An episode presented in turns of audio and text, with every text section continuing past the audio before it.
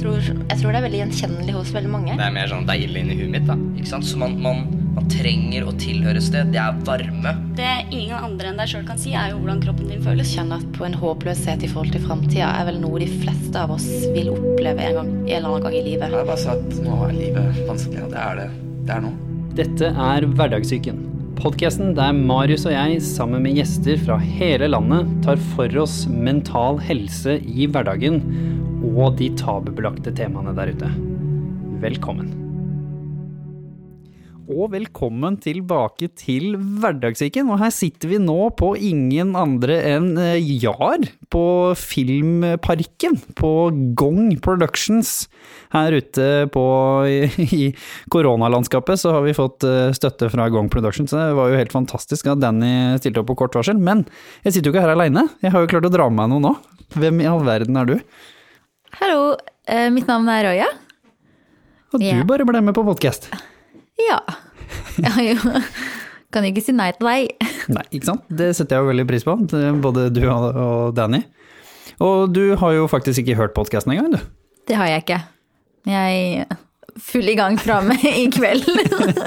Du skal ta igjen innen vi kommer til mandag, så skal du ha hørt alle episodene. Jeg tror det er 60 episoder, jeg bare nevner det. Done deal. Jeg har ikke så mye å gjøre i Du kan tider. binge. Du skal jo kjøre helt tilbake til Sørlandet, så Det er sant. du har jo noe å holde på med. Det er en god idé. Ja. Og du er jo her fordi vi rett og slett eh, på en måte skal snakke om det å være alenemor i Norge. Og snakke Ja. litt om opp og ned og rundt omkring eh, rundt det. Litt sånn de positive tingene, det tøffe med det, og litt sånne ting som kanskje er annerledes når man er alenemor, som vanlige folk eh, kanskje ikke tenker på. Mm. Det er litt spennende. Ja. Mm. Spennende og trist og bra og godt og vondt og Alt om hverandre. Ja. Mm. Eh, Du kan jo begynne med å fortelle litt eh, om hvem du er og hvorfor du er her. Du trenger liksom ikke å gå inn i voldsomme detaljer, men liksom fortelle litt hvorfor, hvorfor er du her, og hvem, hvem er du? Ja. Um, som sagt så er mitt navn Røya, og jeg er 29 år gammel. Eh, bor på Sørlandet, der jeg er Snart 30 da, oppvokst. da går det bare nedover. Ja. Kan jeg ikke få lov til å nyte de siste månedene 29? Nei, jeg er over 30, så jeg kommer til å trakassere deg. Nei, men jeg gleder meg faktisk til å bli 30. Jeg, alderen har gjort meg godt. Eh, bor på Sørlandet, der jeg er oppvokst, i Lillesand. Mm, Jorda snavle? Ja, det er faktisk det. Fantastisk by. Eh, og der bor jeg med mine to jenter på syv år, Shakila og Elina. Og de er enegga tvillinger. Det Ja. ligner litt på deg òg, sånn, så det skulle nesten vært treegga tvillinger. Trillinger. Yay! Det er gøy. Det er gøy å høre. Ja. Men du holdt på å si, du har jo en eh, liten historie du også, som, eh, som gjør at du på en måte er her. Du har vært gjennom en del eh, tøffe ting, både i form av litt sykdom og sånne småting. Mm. Du kan kanskje nevne liksom de største tingene du har vært gjennom, da. Du kan ikke rase rundt i detaljer igjen, men for at folk forstår litt at eh, du har vært ute en vinternatt før, på en måte. Ja. Jeg tror vinternatten min startet eh, fra jeg var tre år gammel, men eh, hvis man skal bare eh, være litt kjapt, og så når vi havnet i Norge, så skulle jo da alt bli veldig, veldig bra, da. Er- Eller det man tenker da, når man er på vei til frihet. Ikke at ikke det ble kjempebra, jeg er jo evig takknemlig, men ting ble mye vanskeligere enn jeg trodde det skulle bli. Og eh, ja, jeg hadde veldig lyst til å bli mor, ung mamma, og det ble jeg jo, jeg fikk jo barn da jeg var 22 år gammel. Men å bli alenemor for tvillinger 22 år gammel, den så jeg ikke komme.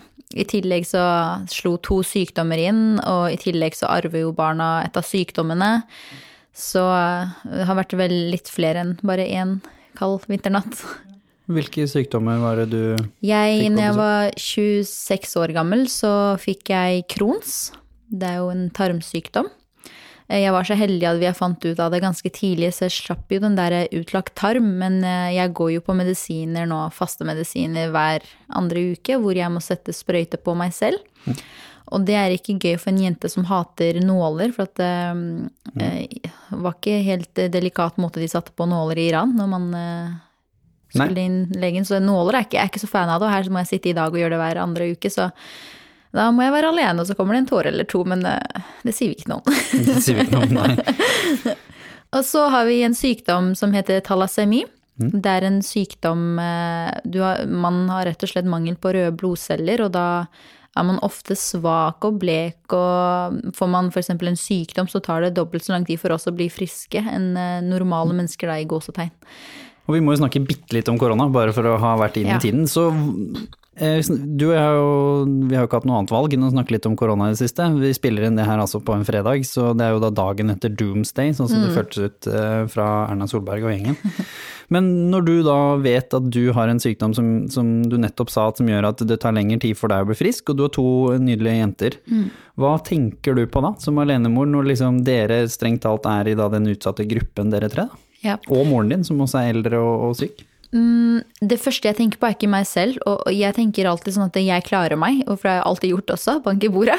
Men eh, jeg, jeg tenker veldig fort på barna, for at jeg, man kan ikke si til barna ikke klem noen på skolen, ikke, altså vær forsiktig med å vaske hender, for de vasker jo hender, men man kan ikke kontrollere hvor lenge de skal vaske hender, hva de skal ta på.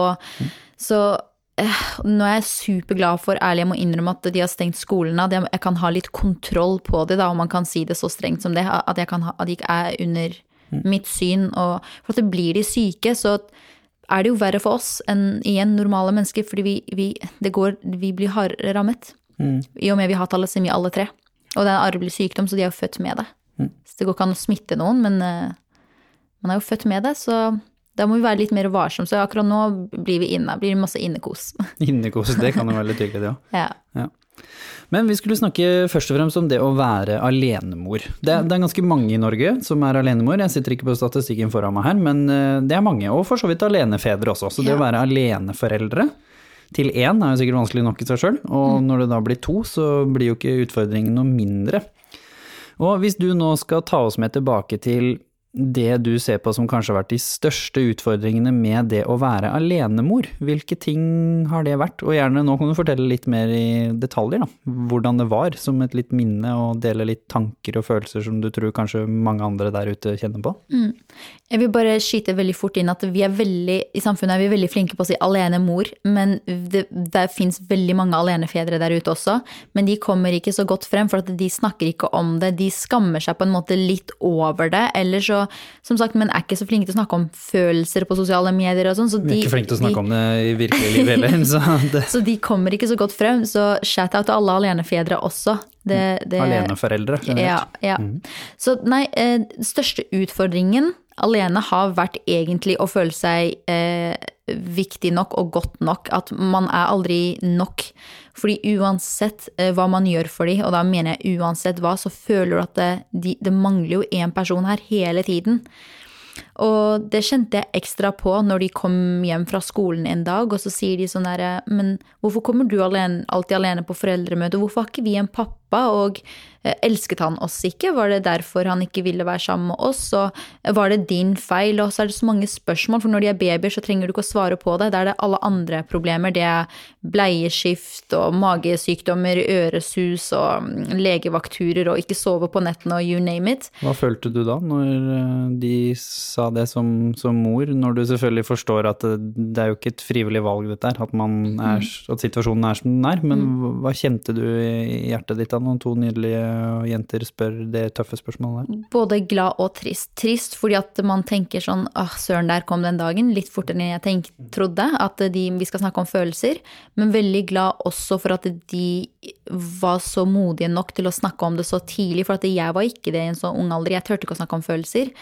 Og jeg skal jo, har jo lovet meg selv å gjøre det motsatte som jeg gjorde i min barndom. Jeg snakka jo aldri med noen om følelser, verken venner eller familie. Så dette skulle jeg gjøre med mine barn. Men jeg var ikke helt forberedt på hvor tidlig det skulle komme. At nå skulle vi snakke om følelser og og, og sånne ting.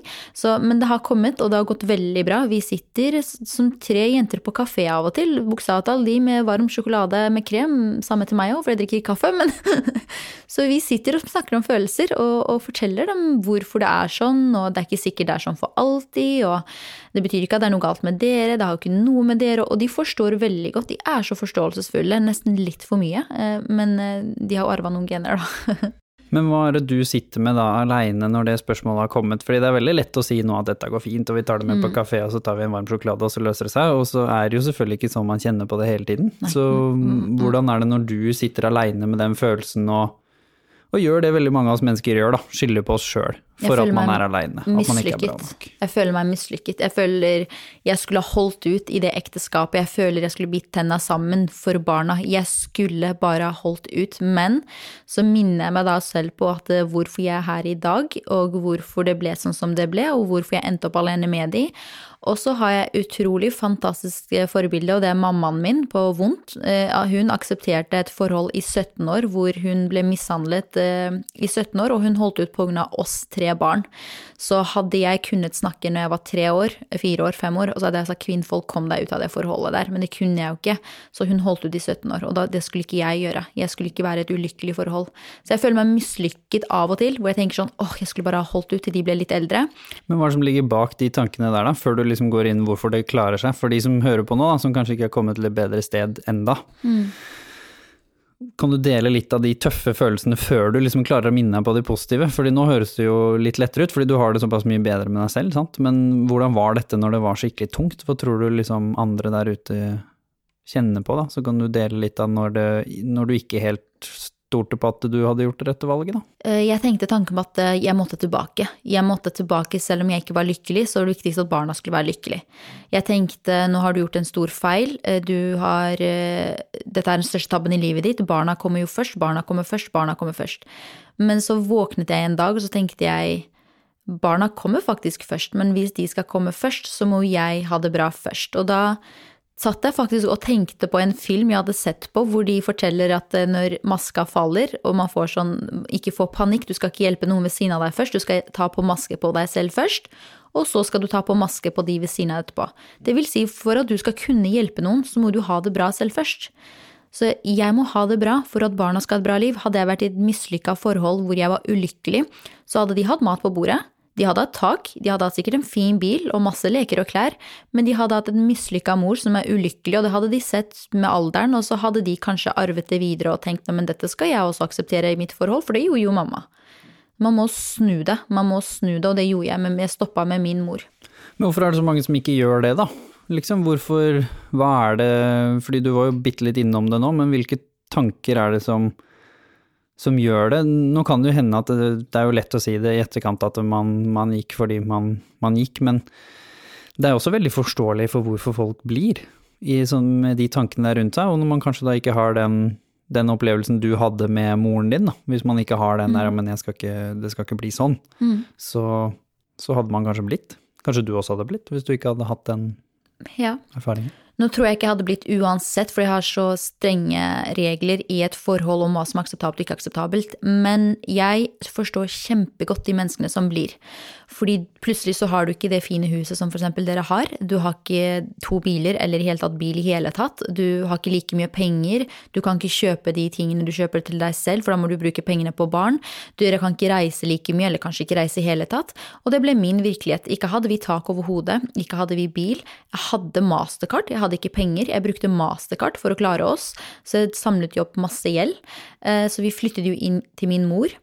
Og så blir man nesten deprimert. Jeg ble nesten deprimert hvor man tenker dette er jo ikke verdt det, røde, Kom deg tilbake til forholdet. Det gjør ikke noe du er ulykkelig. Barna har det jo det bra. De Men hvordan var det liksom helt i bånn der, uten å dele hvordan det har kommet videre, så tar vi litt mer om det etterpå. Hvordan var det i, i bånn der, når du liksom Du levde jo på under fattigdomsgrensa, Ja. by far. Du, som du sa til meg, dere måtte velge mellom dopapir og mat. I, Ja. I koronatider så er jo det litt eh, humoristisk, fordi Mm. vi ser jo folk går tom for dopapir, så du måtte faktisk gjøre et valg, da. Jeg måtte det. Jeg, sto, jeg husker jeg sto på matbutikken, og da det var kald vinterdag, og kjøleskapet begynte å bli tom, og jeg hadde ikke bil, og jeg bodde ca. 20 minutter unna by, eh, Kiwi, nærmeste matbutikk. Så jeg pakket jo barna skikkelig godt inn, inn i barnevogna, og så gå i snøen med tvillingvogn, det er, det er sport i seg selv. Kommer ned til Kiwi, og så regner du ut på kalkulatoren hva du skal kjøpe. Nå har du kommet til den grensa hvor mye du har på kortet, og jeg hadde eksakt 201 kroner på kortet. Jeg husker den dagen så godt. Og så Jeg måtte ha gulost, og så måtte jeg ha toalettpapir, men det hadde ikke blitt nok. Og da sto jeg der og tenkte søren, er det dette jeg skulle komme til i Norge? Gikk vi fra bomber til fattigdom? Gikk vi fra kuler og sår til å ikke ha mat? Skal barna mine ha det sånn i Norge? Og det var ikke sånn for meg at jeg hadde gjort noe galt, så nå måtte jeg snu på livet mitt. Hadde, det, var ikke, det var ikke opp til meg. Jeg, jeg fikk ikke mer enn det jeg fikk som alenemor av Nav. Og jeg kunne ikke jobbe fordi jeg hadde nettopp fått Crohns, og jeg, det var så mye som sto i veien for meg. Ikke kunne jeg gå på skole fordi barna hadde ikke kommet inn på SFO. Jeg hadde ikke råd til SFO. Nav ville ikke dekke alt. Det var så masse problemer. Så masse problemer. Hva føler Men- du deg som da, når du som person står i det der? Hva, hva kjenner du deg som mor da? Overfor to Um, barn som i hvert fall ikke har valgt dette? igjen at jeg ikke var god nok, så da var barnevernet Det var da barnevernet slo inn i hodet mitt. Og dette har jeg aldri sagt til noen, for jeg har ikke turt, for jeg har tenkt men da, da kanskje hun ikke kan passe på de, kanskje vi må faktisk gripe inn. Men jeg gjorde det den gangen når de var så små, så når jeg kom hjem fra Kiwi, så satte jeg meg ned, og jeg, la de fordi de skulle sove litt, for vi var så trøtte, så tenkte jeg, skal jeg ringe barnevernet og si hei, dere, jeg melder meg inn selv, jeg, jeg tror ikke jeg er god nok til å passe på de to søte jentene her, jeg tror kanskje dere må gi de et hjem hvor de har tak over hodet og, og kan stå på ski og ake, og, for jeg kan ikke kjøpe akebrett, jeg. Men så snakker man litt med mamma da, og så forteller hun at hei, jeg har hatt det verre, jeg, med dere. Du kan norsk, jeg, kun, jeg er jo analfabet. Du kan kjøre bil, jeg hadde jo ikke lappen eller kunne kjøre bil. Du, du er frisk, jeg er jo ikke frisk, du kan bære de Kiwi-posene. Og da ser man litt sånn, ja ok, Røya, ta deg sammen. Men hjelper det på en måte egentlig over tid? Da? Det hjelper jo litt praktisk der og da, men det hjelper jo ikke å bare si ta deg sammen i evig tid heller. Hvor, hvorfor tror du man liksom havner der, da? På et punkt hvor man, hvor man rett og slett bare tenker at det er faktisk bedre hvis staten eller noen tar over barna mine, for jeg får det ikke til. Det var ikke et alternativ at noen skulle ta barna mine. Jeg hadde, jeg hadde båret på disse tvillingene. Jeg, jeg veide 45 kilo og var underernærig, og jeg, så kunne jeg ikke bli gravid. Og så plutselig ble jeg gravid med tvillinger og veide 90 kilo dagen jeg skulle føde de, og ikke søren om noen skulle ta de fra meg nå. Nå skulle vi gå gjennom godt og vondt sammen. Så tanken på å miste de, det drepte meg. Altså, jeg kan med hånda på hjertet si hadde barnevernet tatt de fra meg den gangen, hadde jeg tatt selvmord. Så enkelt er det. Så da var det bare å stå i det. Skulle, nå er de uten far, skulle de også være uten mor, det kom ikke på tale.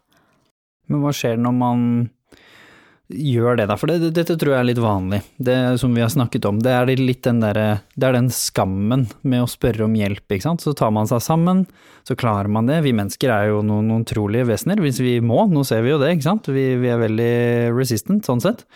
Og veldig kanskje da når det handler om barna våre, så bretter man opp armene ordentlig, og liksom tar seg sammen, da, hvis man skal kalle det.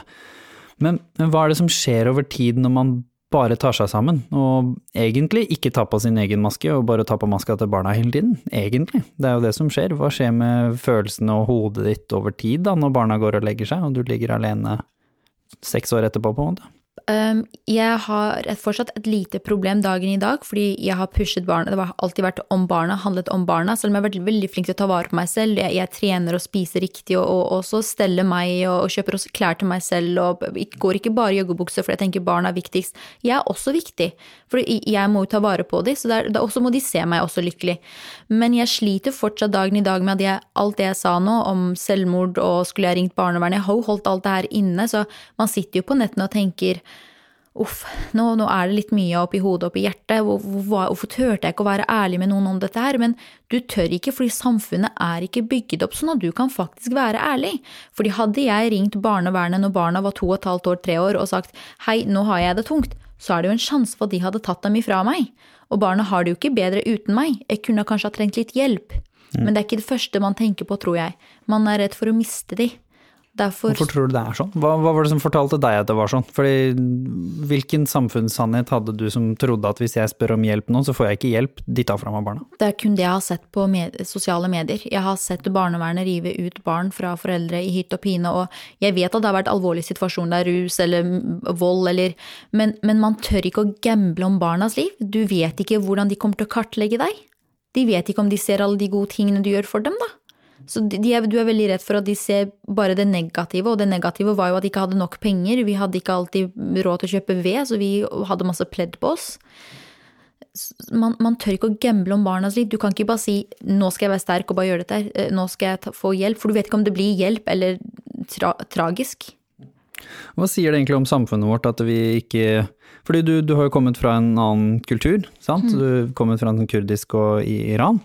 Så hvor, hvor kommer denne skammen fra? Hvor kommer denne stigmaen fra? At vi ikke kan snakke om ting generelt, psykiske ting. Du som på en måte har sett og opplevd to forskjellige typer kulturer, da, Ja. men hvor problemet er det samme, både i Norge og Ja. i for så vidt i Hvorfor er det sånn, tenker du? Det er veldig viktig at det kom frem at selv om jeg har opplevd to forskjellige kulturer og lever per dags dato med to forskjellige kulturer og elsker det, men akkurat der så er det vi helt like. Kurdere er like ille som nordmenn. Eh, Det, i Iran, eller kurdere, har også veldig vært opptatt av at man skal vise at man har kjøpt bra, fin hus, fin bil, se døtrene mine, sønnene mine har utdannet seg, og se hvor ordentlige de er, og de har ikke mange kjærester, og de drikker ikke, og så gjør egentlig alle de tingene i ny og ne, men det skal vi ikke vise fram. Og norske er også veldig sånn bil, hus, vi er friske, så vi går på fjellet, vi har hytte, vi har båt, men altså, helt ærlig, der du sitter nå, hvor mange har ikke sittet og nikket og kjent seg igjen i at de har villet ta selvmord, at de ville bort, at de ville gi fra seg barna til barnevernet? Vi skammer oss over at vi har det vanskelig.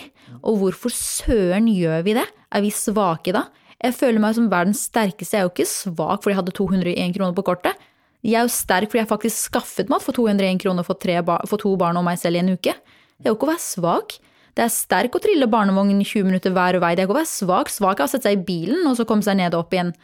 Du er ikke svak fordi du har det vanskelig. Du er jo sterk for du kom deg gjennom det. Og du er enda sterkere hvis du tør å snakke om det, for det er vanskelig. Ja, Det det er er jo skikkelig vanskelig.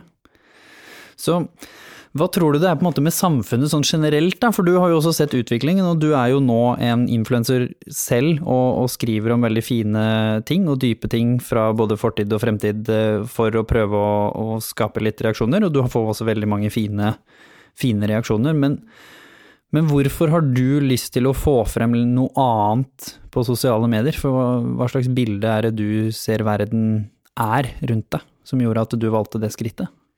Eh, Jeg ser at vi i dag er veldig opptatt av alt som er utvendig. Utseende, kropp, og det er kjempefint. Det er jo veldig gøy. Hvorfor ikke? Vi skal, kan ikke bare være triste og tenke på vonde ting. Men så har vi faktisk de menneskene som har det veldig, veldig vondt, eller har hatt det veldig, veldig vondt, eller så kommer til å ha det veldig, veldig vondt. Fordi de tenker skal jeg skille meg, skal jeg ikke skille meg? Og da vil jeg hjelpe. Og jeg har innboksen full av kvinner og jenter, og noen menn, som sier skal jeg komme ut av dette forholdet, hvordan blir det, hvor vanskelig blir det? Men kom, for eksempel hvis det er kurdere eller somalere eller afghanere, folk som ikke er norske da, kommer veldig med det spørsmålet, kommer jeg til å miste en familiemedlem? Jeg tror jeg kommer til å miste familiemedlem, hvordan skal jeg takle det? Jeg kommer til å bli stemplet som kanskje løs, som kanskje en som var altfor fri, og når blir det galt å være fri, men betyr det at du er løs? Det, det er det man må begynne å, å snakke litt om sånne ting. Er, er, du- hvis du er fri, er du løs? Det, er- dessverre så tør ikke mange å ta å gå sin egen vei, fordi de kommer til å miste familiemedlem, eller kanskje venner, eller rykte, eller som sagt hus, bil og en ferie. Og hvorfor er det sånn, liksom? Hva, og som du sier, de fleste kanskje tenker på det, så hvorfor er det så mange som tenker på det, men allikevel så få som gjør noe med det? Fordi det rett og slett overgangen er vanskelig. Altså, jeg gikk jo fra et ekteskap hvor alle trodde vi var kjempelykkelige, vi hadde tvillinger og gikk på kurdiske fester og gikk rundt på byen og rundt Karl Johan, og folk trodde vi var dødsulykkelige, og jeg var jo dødsulykkelig.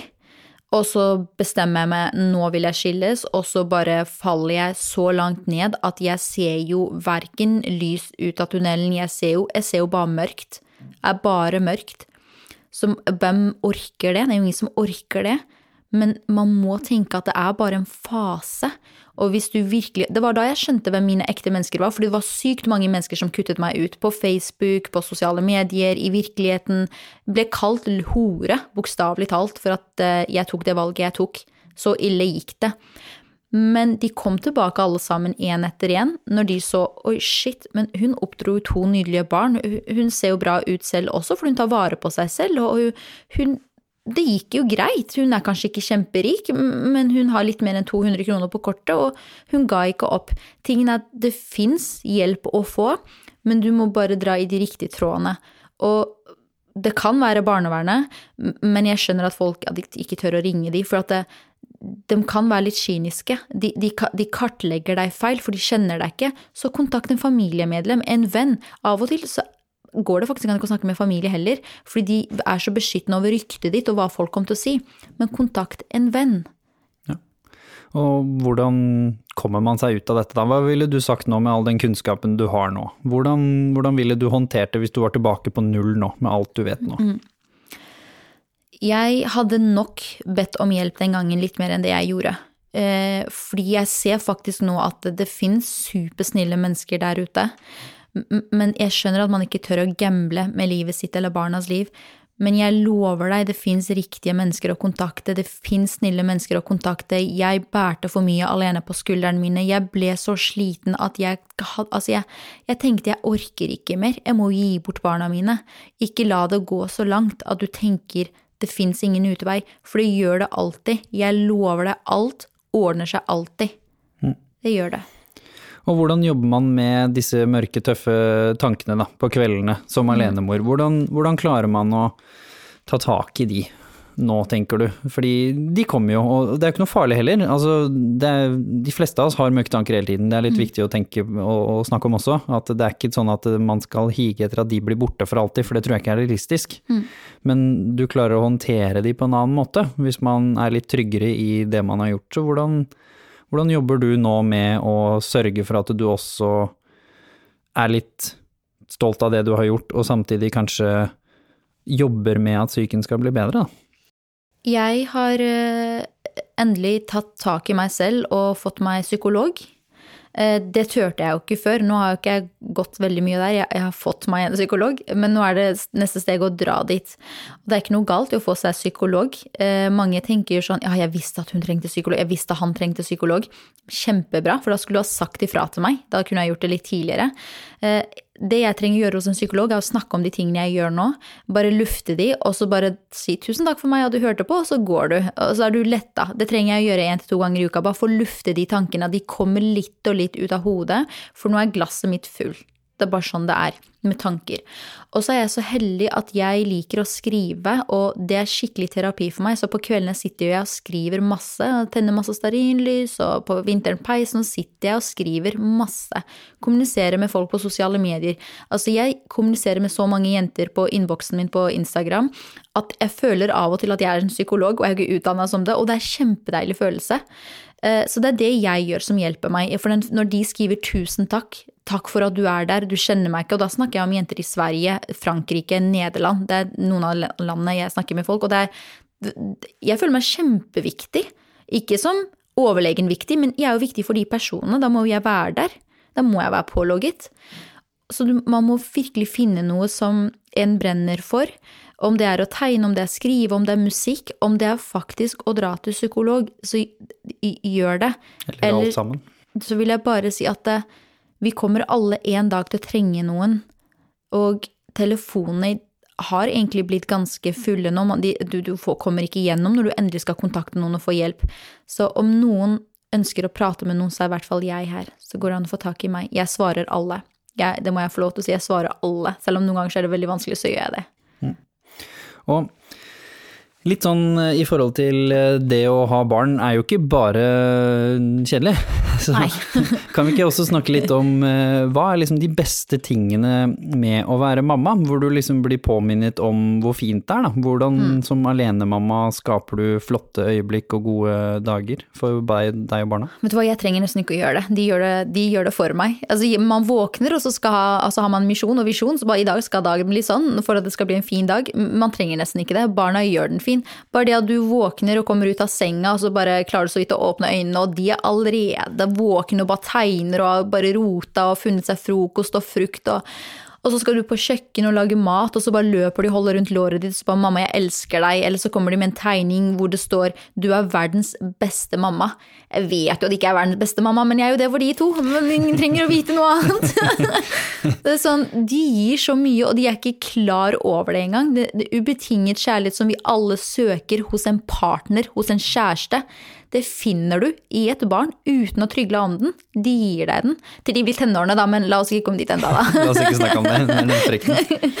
Ja, ja hva, hva liksom hvordan bidrar du i det her, da? Du snakket jo med oss om at du gjør ganske mye ting med Ja. Mm. barna, fordi vi lever jo også i en litt sånn skummel verden, hvor vi begynner å bli redd for, ikke sant, hvor du tenker å shit, oppdrar jeg barn i det her eh, selvsentrerte, skumle samfunnet her, da, med økende psykiske problemer og i det hele tatt. Så hvordan, hvordan jobber du med barna for at de skal være forberedt på det de er på vei inn i? Vi snakker mye. En ting igjen jeg lærte av min mor, nå må jeg bare si at jeg hadde en fantastisk mod. Hun, mor hun var analfabet, hun kunne ikke tegne, nei, skrive eller lese, men vi hadde alltid mat på bordet, tak over hodet, varm, varme i peisen. Eh, fantastisk kvinne. Selv om hun ikke kunne hjelpe oss med lekser eller eh, forsto så mye av foreldremøtene, jeg måtte være med på foreldremøtene for å oversette hva de sa, så gjorde hun alt det annet eh, som mange mødre ikke kan i dag, eller fedre, for de jobber så mye. Og, og, det elsker jeg henne for.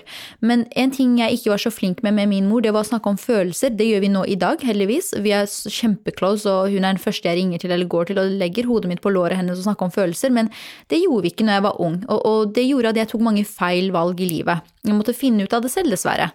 Eh, så jeg har lært barna at man skal snakke om følelser, så vi snakker veldig mye sammen. Om det er gode følelser, vonde følelser, triste følelser. Vi snakker om absolutt alt. Og så er vi veldig aktive mennesker, men nå er jo jeg superaktive barn. Mamma sa jeg kom til å få tilbake med renter, og det gjorde jeg. ja. så vi går veldig mye turer, og så blir det av, regner det, så blir det f.eks. badeland, eller så drar vi til lekeland. og men vi elsker fjellturer og stranda, da, og de elsker å tegne, og jeg håper de blir kunstnere men ikke si at jeg sa det. Fordi hun ene vil bli frisør. Det er litt yrke, ja. vet du. Det er vanskelig yrke. Ja, de er veldig ulike også, skjønner du. Hun ene skal bli politi, hun andre skal bli rockestjerne, så Ja, men da får vi vente og se, da. Det, jeg tror vi trenger både politi og rockestjerner, for å være helt ærlig. Men sånn eh, på slutten så har vi også en annen ganske spennende ting som, som veldig mange aleneforeldre tenker på. Mm. Det er du blir aleneforeldre, du har kanskje da kommet til 30-åra, som du snart, eh, snart har gjort. Eh, og så er det det hvordan i all verden skal man date og ha tro på kjærligheten på nytt med to eller ett barn alene? For det er jo også en sånn greie som man er veldig sånn redd for eller skeptisk til, om man enten ikke sier ifra eller liksom Hvordan har det vært for deg å, å, ha to barn og skulle liksom prøve å finne kjærligheten, og i tillegg kommet fra et forhold som ikke nødvendigvis viste deg at uh, kjærligheten alltid er bra, da? Mm. Um jeg er overrasket over hvor mange som tar kontakt, på tross av at jeg er alenemor for tvillinger. Eh, så hatten av for alle menn som tenker ja, men dette det gjør ingenting, det. For man trodde nesten Fordi min far sa, min egen far sa, skiller du deg, så er det ingen som vil ha deg, du har bagasje. Mm. Nå må jeg bare påpeke at jeg har ingen kontakt med min far, eh, med gode grunner. Men Så det var det han sa, og man sitter jo litt med den følelsen, kan det stemme? Men det vet jeg jo at jeg er en fantastisk snill person, og, og, jeg er jo god mamma, og jeg er full av kjærlighet, så barna stopper meg jo ikke. Det er jo to forskjellige kjærlighet, den dype kjærligheten du gir til barna til en mann, og det du gir til moren din, til venner, så du er jo ikke tom for kjærlighet, du har jo tid til det uansett. Og det er så mange jenter som skriver til meg, men Røya, kommer noen til å ville være sammen med meg med en unge nå? Men er det noen som kommer til å elske denne ungen som om det var han sin? Og det er det. Mm. Det er mennesker og menn der ute som er villig til å ta ungene dine under vingene, og de er villige til å elske dem som om det var deres. Og altså, jeg skal love deg at det blir nesten bedre, for de baserer hva du har gått gjennom, og at du har vært så flink med den ungen, og de stoler jo på deg som menneske. De tenker dette er en kvinne som man kan faktisk stole på, en sterk kvinne, det er en modig kvinne. Som Det gjør det i hvert fall ikke verre, det gjør det kun bedre. Og det fins menn der ute altså, som er superinteressert i alenemødre med barn. I hvert fall alenefedre, det er jo kjempegøy. alenefedre er en sånn ny fetisj ja. for, for, jenter. Jo, jeg kan jo virkelig dele en historie fra mitt eget liv også. Jeg har jo snakket mye om um, min biologiske far og min stefar, som jeg nå kaller pappa, og som har adoptert meg. Og det er en det er ganske mye jeg beundrer eh, med han. Uh, Shout-out til uh, Atle.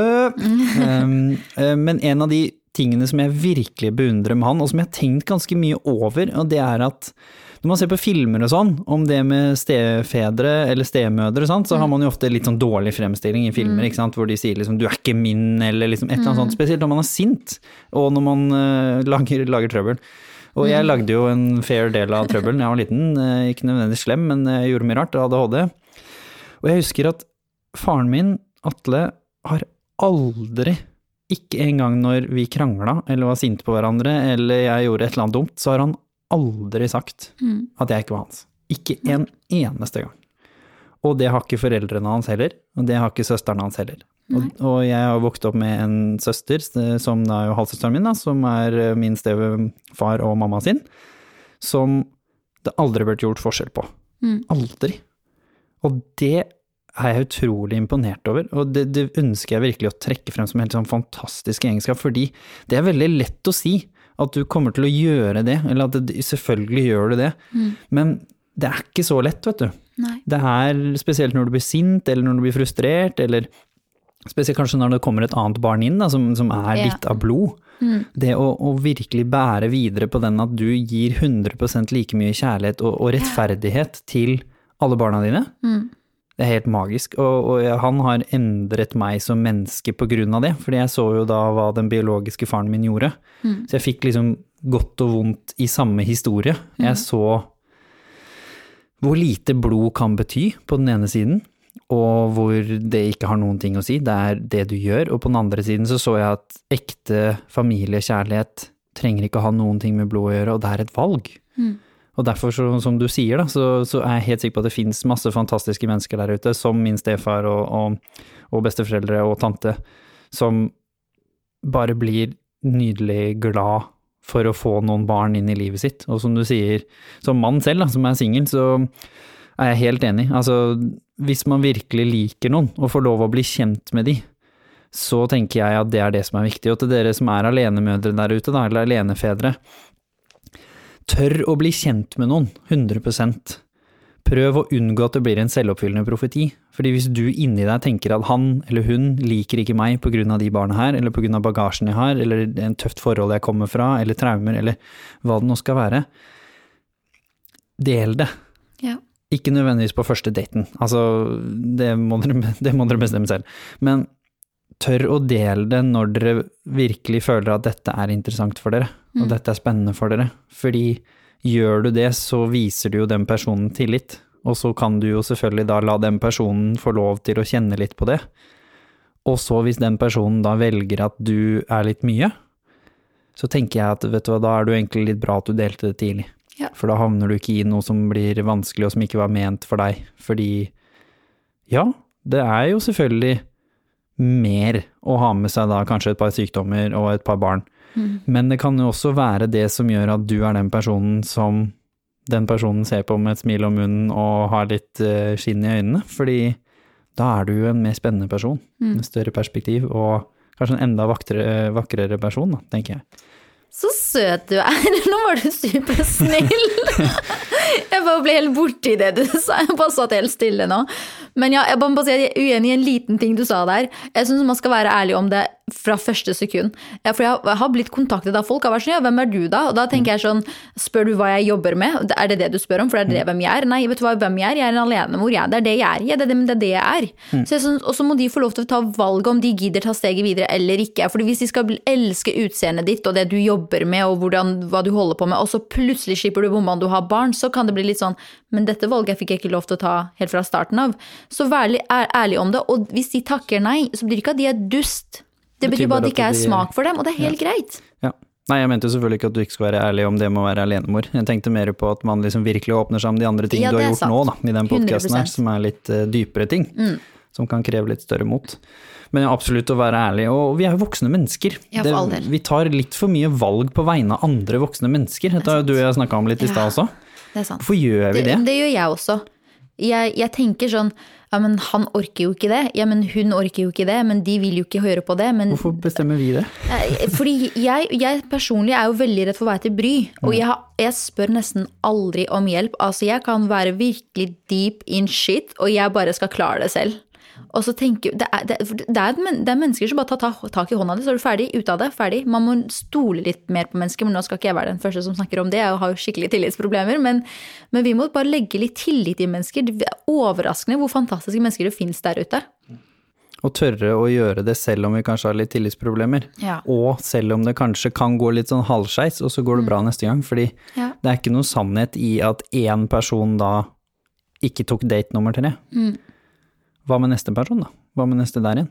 Og det finnes veldig mange fine mennesker der ute også, men jeg tror også veldig på det med å ha det bra, som du snakket om, å ta vare på deg selv og passe på disse tingene, Ja. fordi da tiltrekker du deg nok mennesker som er mer interessert i deg for den du er, enn hvis du kanskje drodler litt for mye i uløkka ulykka di, da.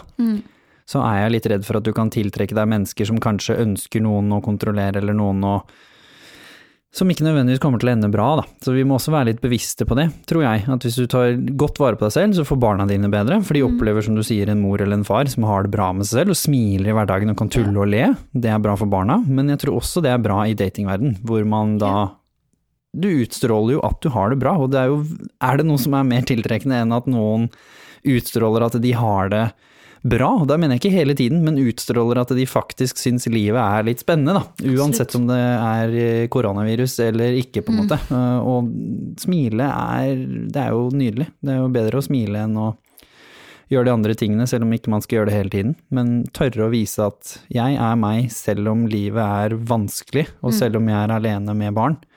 Så gir jeg de fullt av kjærlighet, men jeg er også villig til å åpne livet mitt for hjelp og for andre. Fordi det er ikke noe vits å prøve å gjøre ting selv som du kan få hjelp til. Jeg tror ordet hjelp har blitt litt sånn negativt, som om du er svak med en gang du ber om hjelp. Altså la oss ikke kalle det for hjelp, la oss Altså man, man Guidende hånd. Ja. Det, det er ikke farlig å få hjelp. Det er strengt tatt som vi sa, jeg vil jo mene at det er tøffere. For det er ingenting som er lettere å bare late som ingenting. Dure på videre og lukke øra og bare ja, men dette klarer jeg selv. Det er jo lett. Og når er det vi har opplevd at noen sier nei til å hjelpe noen? Jeg har aldri opplevd det. Jeg har aldri sagt nei selv til å hjelpe noen. Så jeg, tror, jeg skjønner ikke hvorfor vi er så redde for det. Nei, seinest i stad så hadde bilen din, når du skulle kjøre, kjøre meg hit til, eh, til Jar før du skal nedover til Sørlandet, så, så hadde bilen din satt seg fast. Og vi rett og slett eh, trengte startkabler, og da var det tom for strøm. Og da var det en kar som sto bak oss, en danske, som selvfølgelig hadde han startkabler og svingte bilen rundt enda han var Ja. midt i å pakke noe i bilen og så ut som han var litt stressa og sikkert litt koronaredd og i det hele tatt. Ikke noe problem. Men du må jo spørre, ellers hadde jo ingen starta bilen for oss. Nei, du ville jo at vi skulle kjøre bort til han, men vi hadde jo fått stopp, så jeg skjønte ikke helt. Men det, det går bra, vi tilgir deg. Prøver du å tech-shame meg nå? Ja. jeg bare tenkte vi skulle være på tilbudsskiene, jeg ville ikke vært i bry, ikke sant? samme som deg. Bare sånn, jeg tenkte vi kan jo dytte bilen, ikke sant? jeg er såpass sterk, så jeg tenkte jeg kan jo dytte bilen. Ja, greit. Mm. Nei, tusen eh, hjertelig for at eh, du var med her, men hvis du skulle avslutta med ett eh, et sånn tips, da, et lite råd som du skulle ønske du visste den gangen, hvor du syns livet som alenemor var litt vanskelig, eller sto i valget om du skulle tørre å bryte ut av et destruktivt forhold. Hvilke refleksjoner, tanker, lessons har du på slutten her, til de som hører på, om det er kvinner eller menn? Du vil ikke angre på at du kom deg ut av et forhold, fordi jeg har troa på at hvis to mennesker er ment for hverandre, så finner de veien tilbake igjen til hverandre uansett. Men å bruke mange år på å bli mishandlet mentalt eller fysisk eller ikke ha det bra, det kommer du til å angre på. Så ta litt tid til deg selv, altså kom deg ut av det forholdet om du ikke har det bra. Jeg lover deg at det blir bedre, men mens du er i det forholdet, så blir det ikke bedre, for vi skal ha blitt bedre nå, helt til nå, så hvorfor skulle det bli det om et år eller om en måned? Man må bare tørre, og så blir det bare plutselig bedre. Og dere, en ting til til alle mødre der ute. Kom igjen, ta litt vare på dere. Altså, dere bare fordi dere har blitt mamma, så betyr det ikke at man skal slutte å vare på seg selv. Altså, jeg går masse i joggebukser og uten sminke, men litt sminke, litt fine klær, parfymen på igjen, barna klarer seg i den sittestolen eller foran Netflix i en halvtime mens du steller deg. Så, hvis man klarer å skaffe barnevakt til å gå ut på byen en helg, så klarer besteforeldre å sitte og barnevakt i en time, en halvtime mens du er på treningsstudio, eller hjemmetrening. Må bare gjøre det for deg selv, ikke gjøre det for andre. Og husk at det du sa i stad, det kommer til å bli veldig veldig tøft når man Ja. tar de valgene, eller hvis man har blitt tvunget i det valget å Mm. være alenemor eller alenepappa. Men husk at du blir faktisk et mer reflektert menneske i det også. Tør å stå i det, for det kan faktisk bli bedre. Og hvis du tør å spørre om hjelp, så er sjansen ganske stor for at det kommer til å bli bedre. Og da kan du skape et fantastisk liv for barna dine, Ja. om du er aleine eller ei. 100% Tusen hjertelig for at du ble med. Takk for at jeg fikk komme. Tusen hjertelig takk til Gong Productions her ute på Filmparken i Jar. Han var jo supersnill, snakker om snille folk. Vi sitter veldig godt her nå. Vi sitter inne i en kinosal, faktisk. Kanskje vi bare skal sitte her i karantene. jeg er veldig for. Bare la oss slenge på noen old favorites på filmlerretet der og kose oss i koronakarantene. Ja. Nei, på slutten, folkens, husk å ta vare på hverandre, da, midt oppi Veldig dette koronagreiene. Vi, vi var innom Kiwi, og vi ble ikke imponert. Det Nei. var ramponering av butikker og i det hele tatt. Husk at eh, ja, la oss håpe at verden ikke går under, på en måte, men hvis den gjør det, da, så ta nå i hvert fall eh, vare på hverandre også, og tenk at det er andre mennesker som går i denne butikken også, og, og tenk litt på de rundt deg også. Og prøv å bry deg litt, selv om ikke du nødvendigvis skal begynne å gå rundt og dele klemmer akkurat nå, så, så er det andre måter å bry seg på, tenker jeg. Men jeg savner stedet å klemme folk. Nå må Mm. dette ta slutt. Ja, det Ja. er også et annet eh, poeng. Så får vi følge rådene i to, tre, fire uker, og så får vi håpe at vi får kontroll på korona. Husk å ta vare på dere selv, folkens. Og husk å dele denne podkasten nå, da, fordi nå har dere litt ekstra tid der hjemme. Så kan dere jo hjelpe oss litt å spre det gode budskap til folk som trenger det. Gjør det. Tusen hjertelig.